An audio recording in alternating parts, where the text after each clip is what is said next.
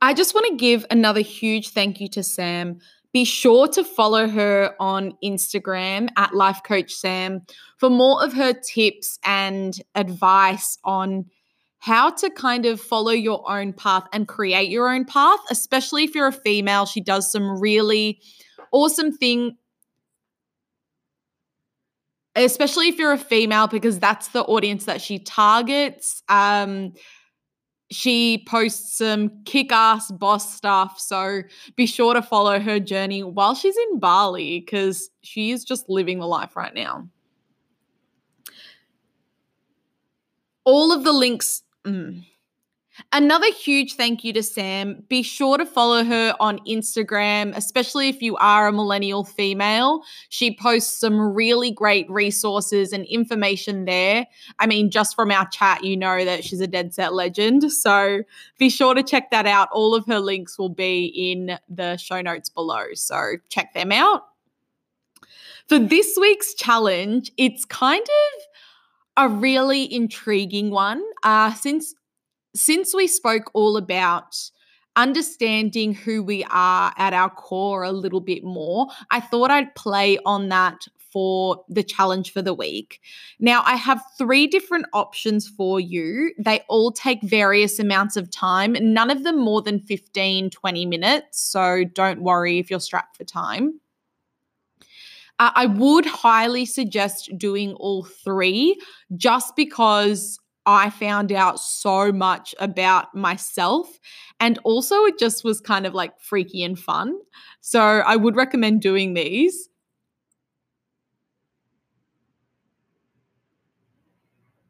So, I would recommend doing all three, but I understand that people are strapped for time. So, if you just want to do one, that's cool. But they are honestly really fun and super, super interesting. Like, I spent so long reading and rereading the things, uh, the different things that they said about me.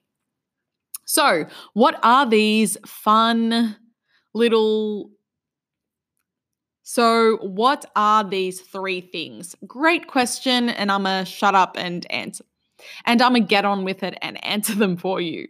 So, the first thing that I suggest to dive deeper into understanding who you are at your core is a personality test. Now, I've done a lot of these, I think I did them like in high school, uh, a few different ones, and I never found any that interesting. But a couple of years ago or a year ago or so, I was sent one by 16 personalities. If you haven't ever taken this, if you haven't ever taken this, I highly recommend taking it. It is like scary accurate. It not only breaks down what kind of personality type you are, but it also tells you, it, it, it also breaks it down into different areas. So for me, I'm what they call a campaigner, which um,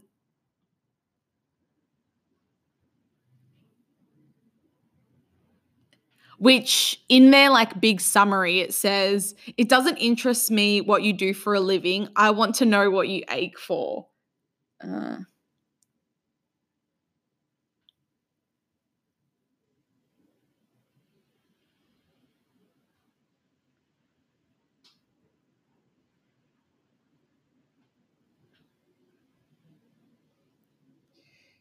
Uh, so I'm a campaigner, and what it does is it breaks down like your strengths and weaknesses, romantic relationships, friendships, how you are in like parenthood, different career paths, and like things like workplace habits. And then it just kind of breaks it down in a fun way. Like it also gives you characters on TV shows and movies that you're like, but also real life celebrities that you're like. So one of mine is like Russell Brand or something like that.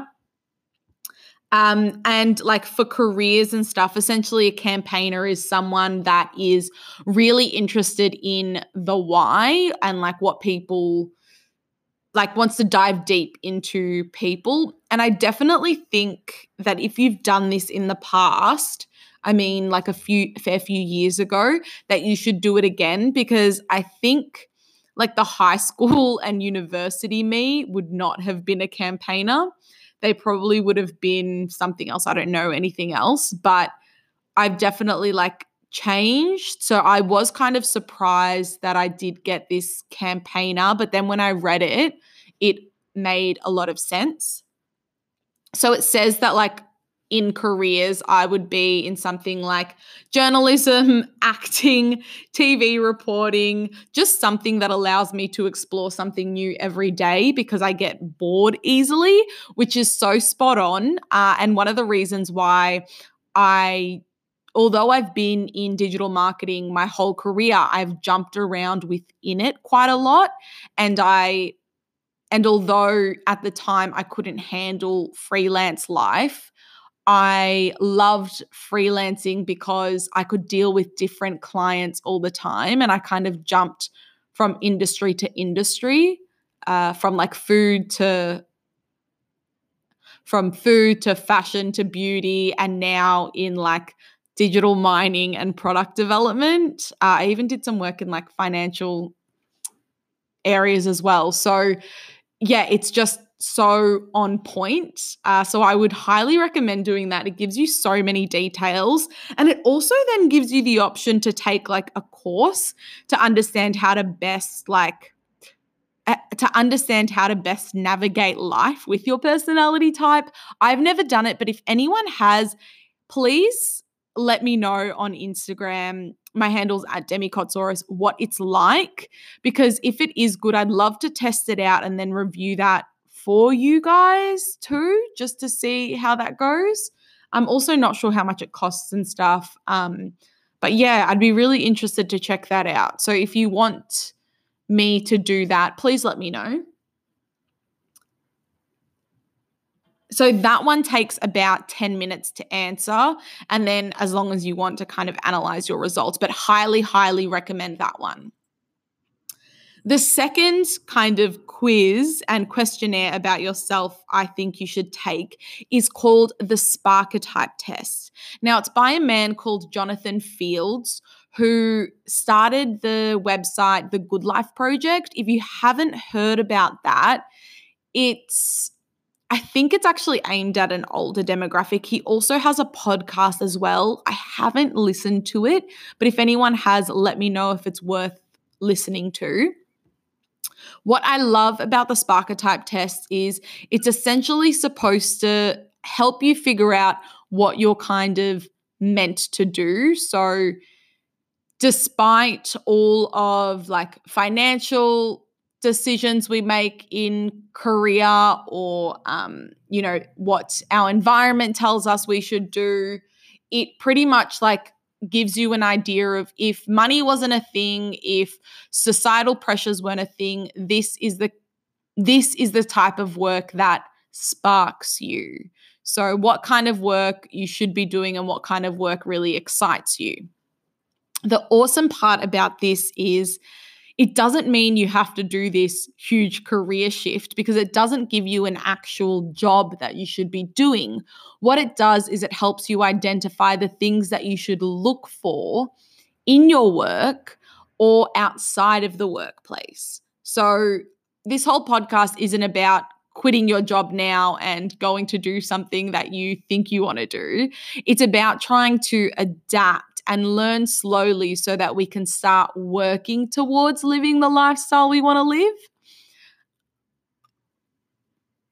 So, what I really loved about this is I got the results of a warrior as my initial Sparketype, and then my secondary Sparketype was an advocate.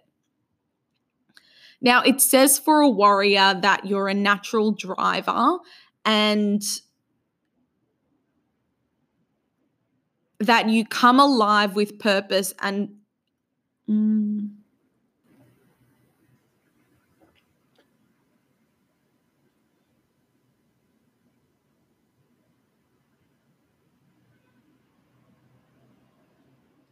So it says as a warrior, I feel like a bit of a wanker saying this, but this is just what it says. It says that organizing, inspiring, and leading others is your call.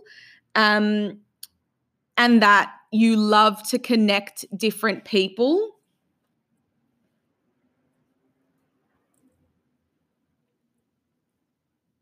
you love to connect and lead different types of people and create communities. Uh, which is, I mean, it's kind of what I'm trying to do with the podcast. But I don't know. Sometimes I just feel, sometimes you feel like a bit of a dick saying that. I don't know if anyone else can relate. Um, but yeah, so a warrior is what what it says for me, and what it said, what that kind of identifies is that in the workplace, like if I'm bored or if I don't have people's connection, then that's really going to affect how I work.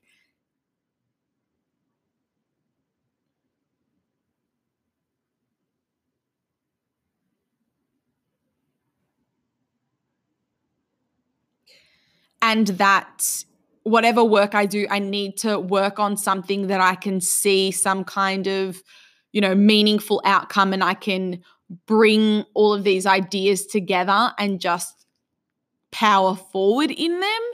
Uh, so I guess it doesn't really matter what industry I'm in. And then the secondary Sparketype is an advocate, which is someone that like wants to champion people's ideas and wants to help give people a voice. Uh, so I guess they come pretty hand in hand, a warrior and an advocate.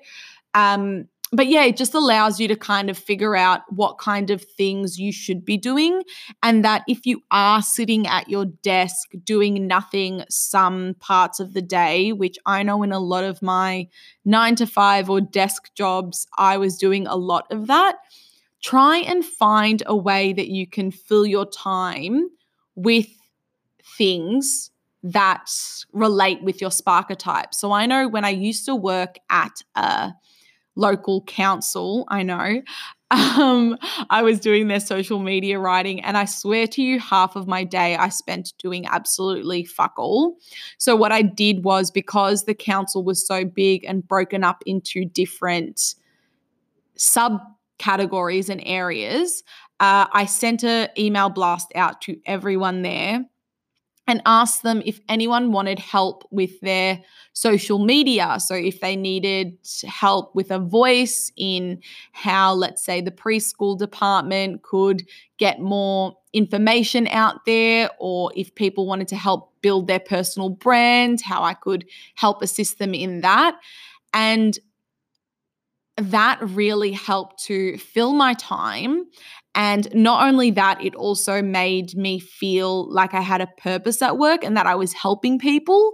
And that wasn't something that my boss asked me to do. It was something that I asked him if I could do when I, as long as I got all my other tasks done. So, yeah, I guess that's a little bit of an example for you. So, definitely do it. Um, yeah, I highly recommend doing that one as well. And the final thing, so thing number three that I suggest you to do is you've probably guessed it already, it's to do Sam's self discovery booklet. As I said, I did this twice and me and Sam kind of sat down, and both times it said the same thing. It was just. So and so I've done this, as I mentioned in my conversation with Sam, and understanding what your core values are and breaking down things like what you consider your strengths are, what your ideal day is, is so interesting. It's actually really difficult to do. But once you do it and once you read through and kind of see your answers and then compare that to what you're doing or the way you're currently living your life, it's super, super interesting. Like for me, the times in my life I was the happiest was when I was in a community. So, like high school, I fucking loved high school, not because of the education side of things, I hated that, but I loved the social side. Um, when I was on uh, I, I, did like I had my kitchen rules. Uh, if you don't know, it's an Australian kind of reality TV show, and from that, I was living away from home in apartment buildings with all of the other kind of teams, and that was for a good two months. And living with other people and having this sense of community again there was incredible. So it, they were just like some of the funnest times I've had, even things like travel, where I'm always connecting with different people and, you know, just socializing. That that is so fun to me. And it doesn't matter if it's in a working way or it is in uh I mean fun kind of travel way. I just love connecting with people which is also one of the kind of reasons I started this podcast. I just love talking to people um, and and learning about different things. Yeah. learning about different things. Sorry, um, learning about different different things.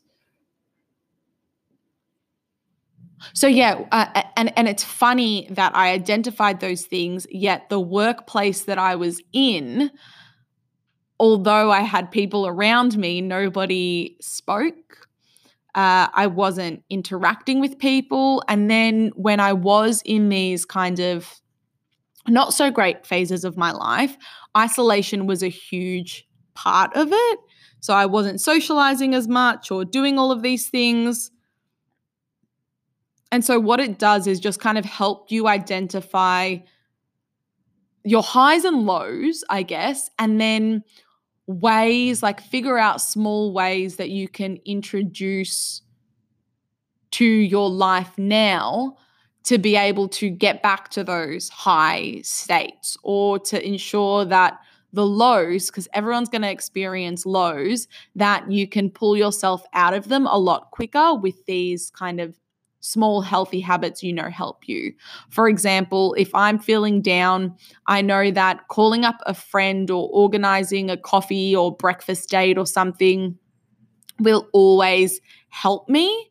And although I have to drag myself to get there, especially when I'm not feeling like doing anything, after I finish, I am so energized and so happy. It's kind of like really weird. So um, I definitely recommend doing that. Although you're answering questions about yourself, it's so weird the shit that you kind of come up with and the answers you give yourself. Writing things down on paper is so different than thinking about them in your head because sometimes we drive ourselves crazy thinking about things we've done or things we want to do or things we should do or the way we think we are. So, yeah, I would highly, highly recommend that. As I said before, I recommend doing all three because they are so incredibly different and they can help you in so many different ways. All of the links to them will be in the show notes below. So, I mean, at the worst case, give one of them a go. Um, but I would suggest doing all three. If you do get them done, please let me know your results. I really, really want to know. What I will do is in the Facebook community on of the millennial crisis, I will have a thread there where you can share your spark type um, or your personality or have a discussion about different things there. As I mentioned, the Facebook community that I have is going to be facilitated in a different way. I will have posts and threads where you can have discussions within the comments versus being able to post your questions all the time. Only because I find those Facebook groups really annoying and also overwhelming at times. So I tend to just ignore them. This way, you are able to just find a thread, put in a keyword, find a thread that you want to join a conversation with, and be able to follow what other people are saying and feeling. In regards to wanting to post questions, there is a private Slack group uh, if you don't know what Slack is, essentially it's like a communication platform. And what I've created is a private millennial crisis community group there where you can ask whatever questions you want. It can be anonymous if you want. You can make yourself a fake profile. I don't give a shit. Uh, as long as you've just got a place where you can ask different questions, not be embarrassed. Let me know what you like about the podcast, what you don't like, what things you would like to see, or who you would love me to interview. Um, so, yeah, that would be in the Slack group. And again, that's all All the info for that is in the show notes below.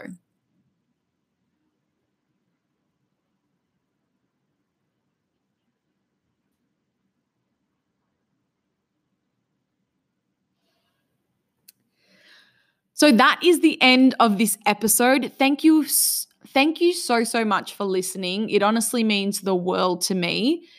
If you want to support the podcast, if you enjoy it and you want to keep hearing me talk shit and interview people every week, the biggest thing you can do to support me is to share this with a friend or post it on your socials. Post it on your socials and tag me at Demi Kotsaurus. Uh, it honestly helps me so much. Even giving it a rating or making sure that you are subscribed, it's a, such a huge help and it takes like two seconds to do. So if you could do that for me, I would appreciate you greatly.